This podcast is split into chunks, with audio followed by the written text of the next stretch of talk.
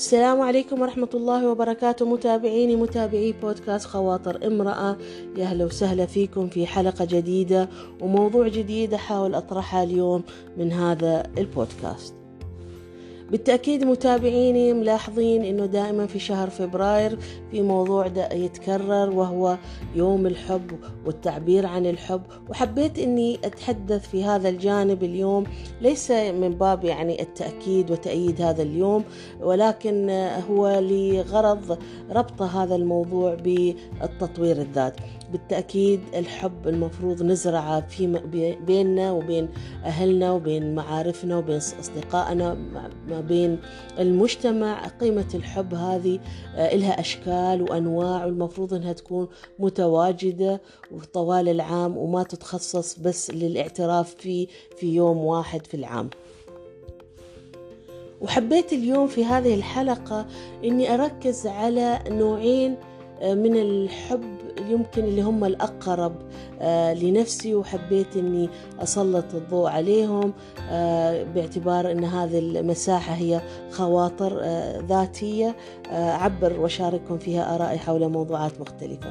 النوع الأول واللي أحسه أساسي إن ننميه في أنفسنا ننميه في عيالنا ننميه حولنا ونغرسه لأن هذا النوع من الحب هو اللي راح يقودنا إلى النجاح هو هذا النوع من الحب اللي راح يخلي علاقاتنا بالآخرين تتميز بالسلاسة. هذا النوع من الحب اللي راح تخلينا نفوز في الدنيا والآخرة ألا وهو حب الله. حب الله هذا الشيء اللي هو المطلب الأساسي. عندما نضع الله سبحانه وتعالى نصب أعيننا في كثير من أفعالنا في كثير من أقوالنا ويكون دائما شعارنا مخافة الله وتقوى الله والتأكد ومحاسبة الذات. هل ما نقوم به من أفعال؟ هل ما نقوله من أقوال؟ ترضي رب العالمين ولا لا؟ تخيلوا معي إذا عززنا هذا الحب وعززنا هذه القيمة مراقبة الله سبحانه وتعالى. والسعي للحصول على رضاه وخلينا هذا هدفنا الأساسي في الحياة كيف راح تتغير حياتنا للأفضل. وهذا النوع من الحب كغيره من العلاقات يحتاج إلى اهتمام إلى تعزيز وتنمية. يعني اليوم لازم نحن نحاسب أنفسنا نقيم علاقتنا مع الله سبحانه وتعالى نقيم طريقة أدائنا للعبادات نقيم الرقابة الذاتية. وإلى أي مدى نحن نضع رقابة الله سبحانه وتعالى وخوفه وتقواه. التقوى أهم شيء يعني في تعاملاتنا. هذا الحب إذا ما ننميه تحسين جودة الصلاة تحسين الصيام تحسين بقية أركان الإسلام تحسين مخافة الله في تعاملاتنا اليومية سواء كان في المنزل أو في العمل. هذه الأمور إذا ما نمارسها بشكل يومي ونعززها في صدورنا أكيد راح يعني تخف هذه العلاقة ونصل إلى مرحلة لربما ما يكون عندنا هذا الوازع الديني في تعاملاتنا اليومية. ونحن في أحوج وخاصة مع أولادنا أن نزرع هذه القيمة قيمة مخافة الله قيمة حب الله. يعني أنا أحب الله مش عشان خايفة أو أخاف من العقاب ولكن أحب أحب الله لنعمه علي. أحب الله لكثير من الأشياء اللي وفرها عليه. لما نربط حب الله في أنفس نفوس أبنائنا بالعطايا الكبيرة اللي وفرها الله سبحانه وتعالى ونخلق هذا النوع من العلاقة الوطيدة علاقة الحب والعشق لله سبحانه وتعالى. وأتمنى أن إن شخصيا نوصل أوصل إلى هذه المرحلة. أكيد في مواطن تحسين كثيرة أحتاجها في حياتي في هذا الجانب. ولكن قلت اذكر نفسي وأذكركم. وخاصة إن نحن مقبلين على أيام فضيلة أيام شهر رمضان اللي على الأقل في هالفترة في تزكية عالية للنفوس. فرصة إن نحن نستغل هذه الفترة لإعادة تقييم ذواتنا لتعزيز الجوانب الروحانية وتنمية وغرس هذا الحب في أنفسنا بشكل أكبر وأقوى. النوع الثاني من الحب اللي أنا حابة أتكلم عنه اليوم وباعتباري يعني آه، مثل ما تعرفون أني أعمل جلسات كوتشنج حب الذات. حب الذات وهو عبارة عن هذا الشعور الإيجابي بالنفس وتقدير الذات ويكون في رغبة للعناية بالنفس وتطويرها وتحقيق النمو الشخصي فيها. حب الذات اللي يؤدي إلى الثقة بالنفس والرضا بشكل أساسي وعلاقة صحية مع الآخرين. وحب أني أبين هنا أن هناك يعني فرق ما بين حب الذات وبين الأنانية لأن الأنانية يكون على حساب الآخرين إن أنا أحب نفسي أكثر من الآخرين وما أحب الخير للآخرين.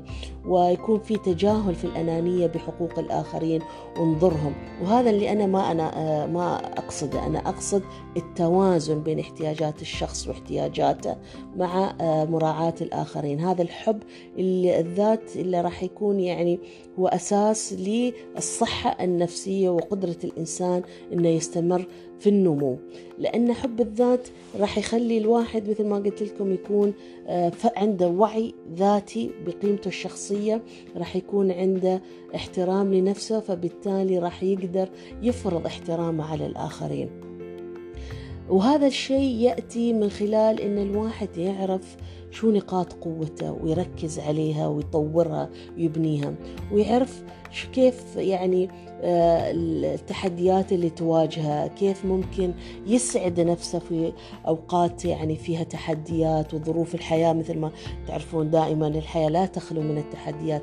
ولكن إني كيف إني ما أنغمس في المشاكل والتحديات بطريقة تأثر على صحتي النفسية. يكون عندي فكرة آه، أو قدرة على تقبل التحدي والبحث عن آه، الحلول المناسبة للخروج منها.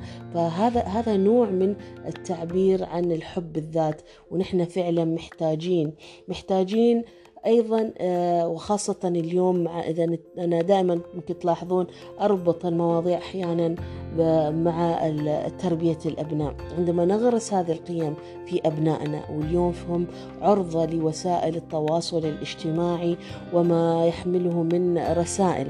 فدائما الطفل إذا ما كان عنده ثقة بنفسه وعنده حب لذاته وتقديرها ويعرف نقاط قوته ومميزاته ويحمد الله ما راح ينظر ويتأثر بما يعرض على ويصلها من خلال وسائل التواصل الاجتماعي. فبالتالي هذا النوع من الحب مهم للسلام الداخلي مهم لاستمرارنا في رسائلنا في الحياة.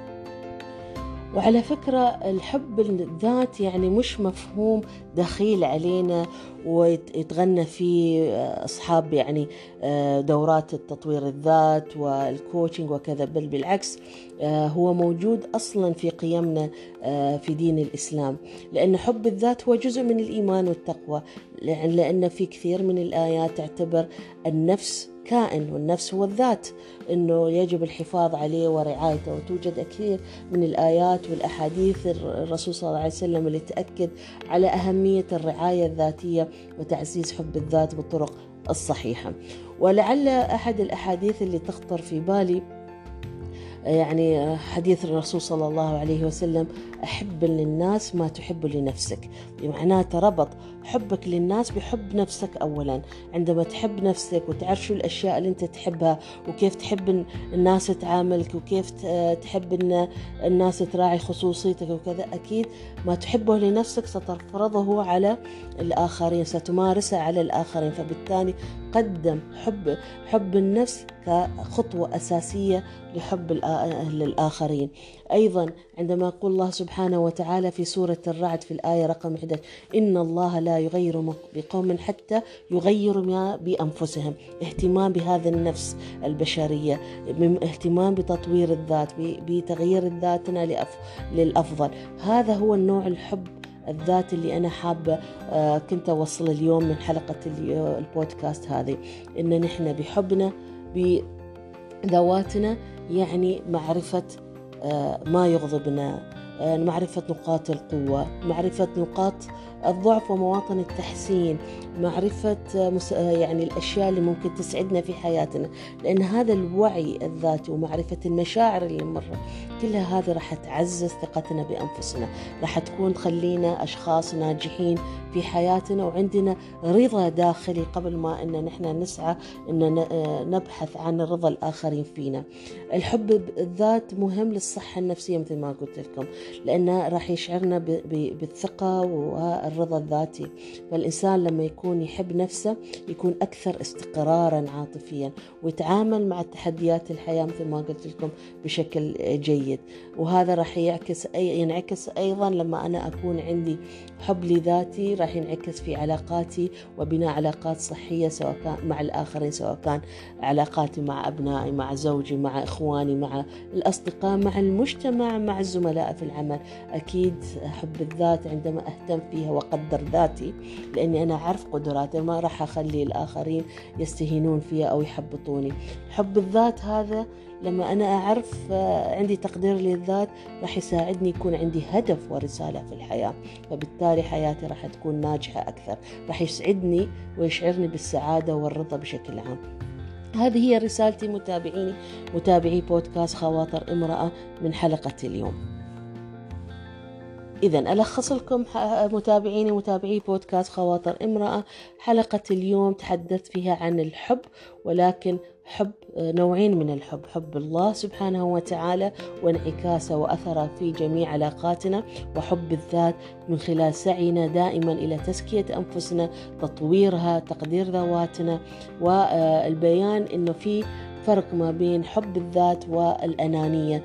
إن أنا لازم يكون عندي توازن أحب نفسي ولكن ما أضر الآخرين وما يكون على حساب إني ما أقدر الآخرين ومشاعرهم لأن هذا أيضا من المهارات اللي دائما نتحدث عنها في تطوير الذات مهارات الذكاء العاطفي. لازم إن أنا يكون عندي تعاطف مع الآخرين وأقدر ظروفهم.